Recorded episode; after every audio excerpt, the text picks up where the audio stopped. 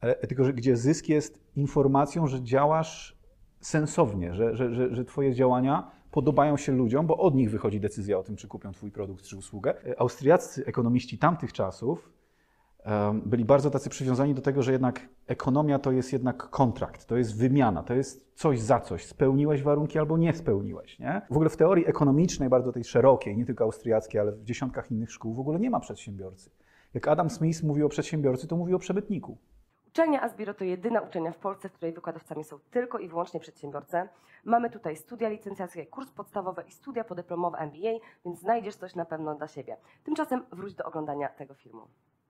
W dzisiejszym wywiadzie porozmawiamy sobie o austriackiej szkole ekonomii oraz o tym, jaki jej znajomość ma wpływ na przedsiębiorczość. Jest ze mną Tomasz Agęcki, człowiek, który zajmuje się muzyką, podcastami, e, nagrywaniem różnego rodzaju rzeczy, ale przede wszystkim to jest ten gość od wideo. Cześć Tomku, witam Cię serdecznie. Bardzo Ja bym chciał miło. powiedzieć e, jedną rzecz. Tomek dla mnie to jest e, uosobienie Asbiro, bo ja jak byłem pierwszy raz na Asbiro, jakieś lata temu, już wiesz, Mhm. Nie wiem, na, na, na tyranozaurze przyjechałem, zostawiłem go tam wśród innych dinozaurów. To był już Tomek, No. My, myśmy się wtedy poznali, na, na, nagrywałeś, e, czy tam rozmawialiśmy.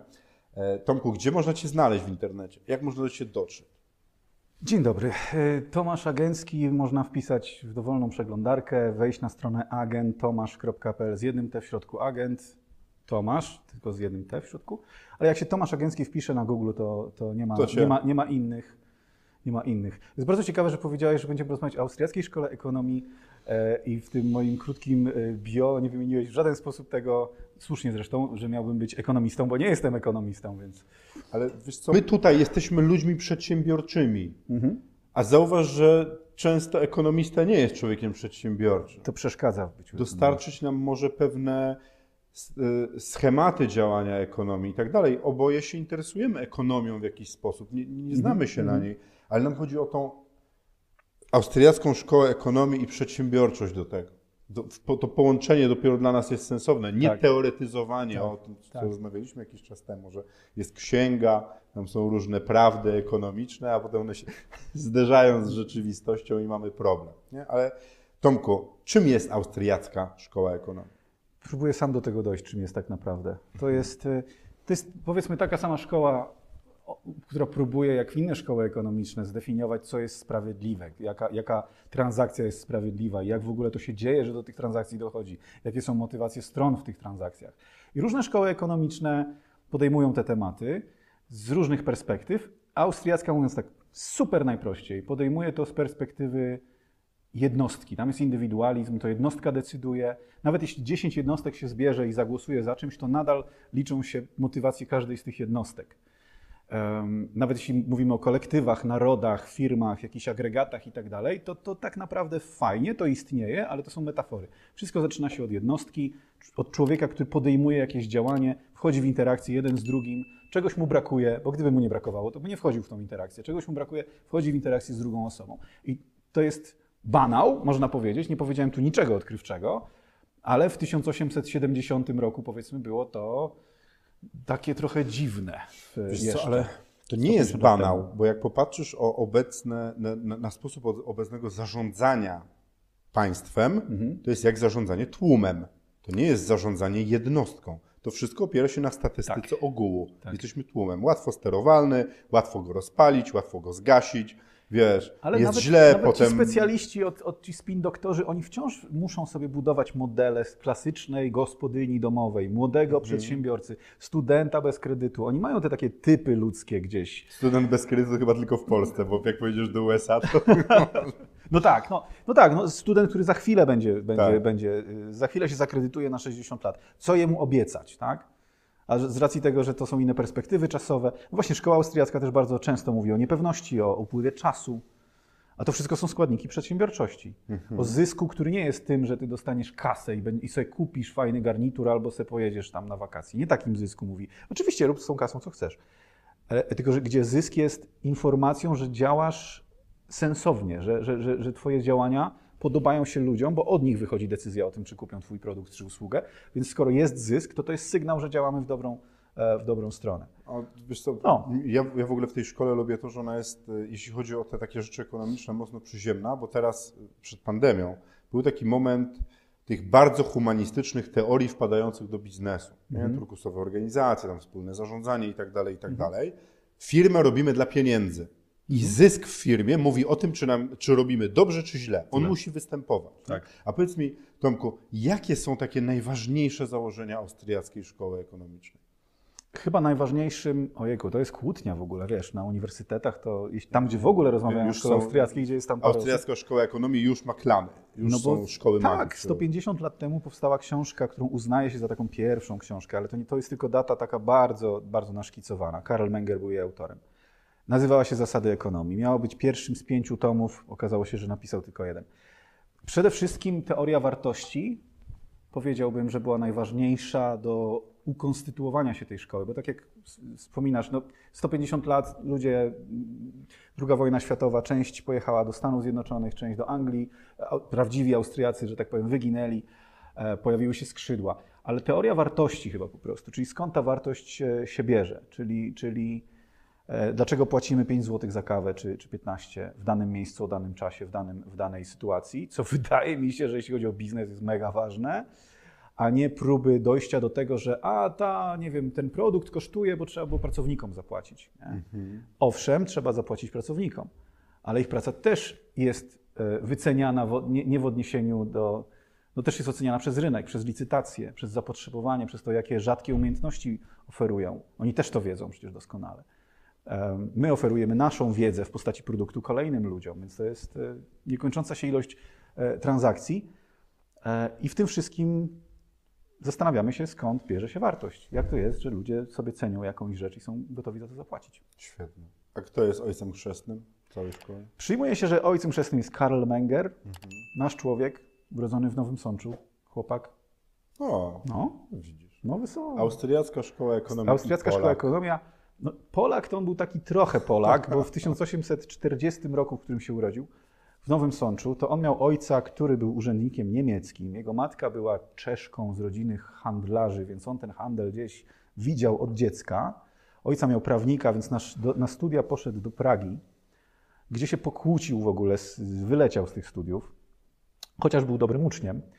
Yy, I tam to były takie czasy, gdzie studiowanie ekonomii nie istniało osobno, było tylko dodatkiem do prawa. Yy, W, Galicji, w Austrii, yy, to był tylko i wyłącznie dodatek do prawa. I on bardzo szybko wszedł w konflikt ze światem niemieckim, który jemu się wydawało, że on jest ze świata niemieckiego, no bo w sumie on głównie mówił po niemiecku. Świat niemieckojęzyczny, jako kulturowy, jako, nie jako Niemcy sensu stricte, tylko po prostu kultura niemiecka wówczas. Bardzo szybko wszedł w konflikt właśnie z ekonomistami i tam jest taka dziwna rzecz, że, że ekonomia w Niemczech była wykładana jako dodatek do różnych przedmiotów, a w Austrii tylko i wyłącznie do prawa. Więc Austriacy byli bardzo, e, austriaccy ekonomiści tamtych czasów byli bardzo tacy przywiązani do tego, że jednak ekonomia to jest jednak kontrakt, to jest wymiana, to jest coś za coś. Spełniłeś warunki albo nie spełniłeś. Nie?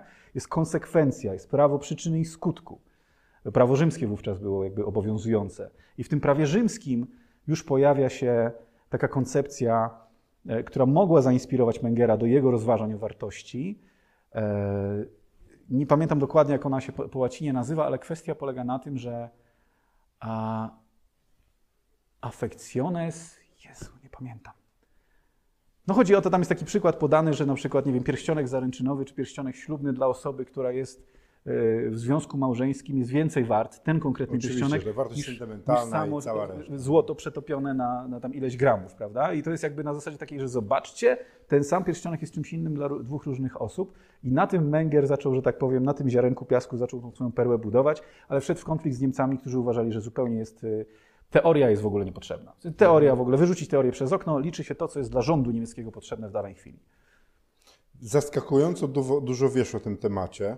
Czyżbyś się szykował do nagrywania czegoś? Już od roku, już prawie Mhm. kończę, mogę powiedzieć. Znaczy prawie, prawie, jeszcze trochę zostało pracy. Reżyseruję w tym momencie dokument o Karlu Mengerze właśnie. Cudnie. Gdzie Więc będzie można go Idealnie obejrzeć? w tym momencie. Wiesz co, jak już tylko dopniemy to, bo już naprawdę niewiele zostało, ale ja nie lubię mówić, kiedy będzie gotowy. Bardzo nie lubię. Mm, będzie o tym głośno. Tak jak, jak wejdziecie na ag- agentomasz.pl czy na mises.pl, czyli e, Instytut e, Edukacji Ekonomicznej imienia Ludwika von Misesa, takie główne repozytorium Austriaków e, w Polsce, to będzie tam bardzo głośno. No jest też adres karlmenger.pl, na którym jest już taki lekki trailer tego filmu, zapowiedź To ja już się nie mogę doczekać. karlmenger.pl. Tylko to jest życiorys Karla Mengera, więc tam jest i Nowy Sącz, i Praga, i Wiedeń, i, i, i Nicea, i, i mnóstwo innych miast, bo to, że on napisał książkę, że zbudował dookoła siebie grupkę y, ekonomistów, którzy zaczęli inaczej patrzeć na ekonomię troszeczkę niż było mainstreamem wówczas.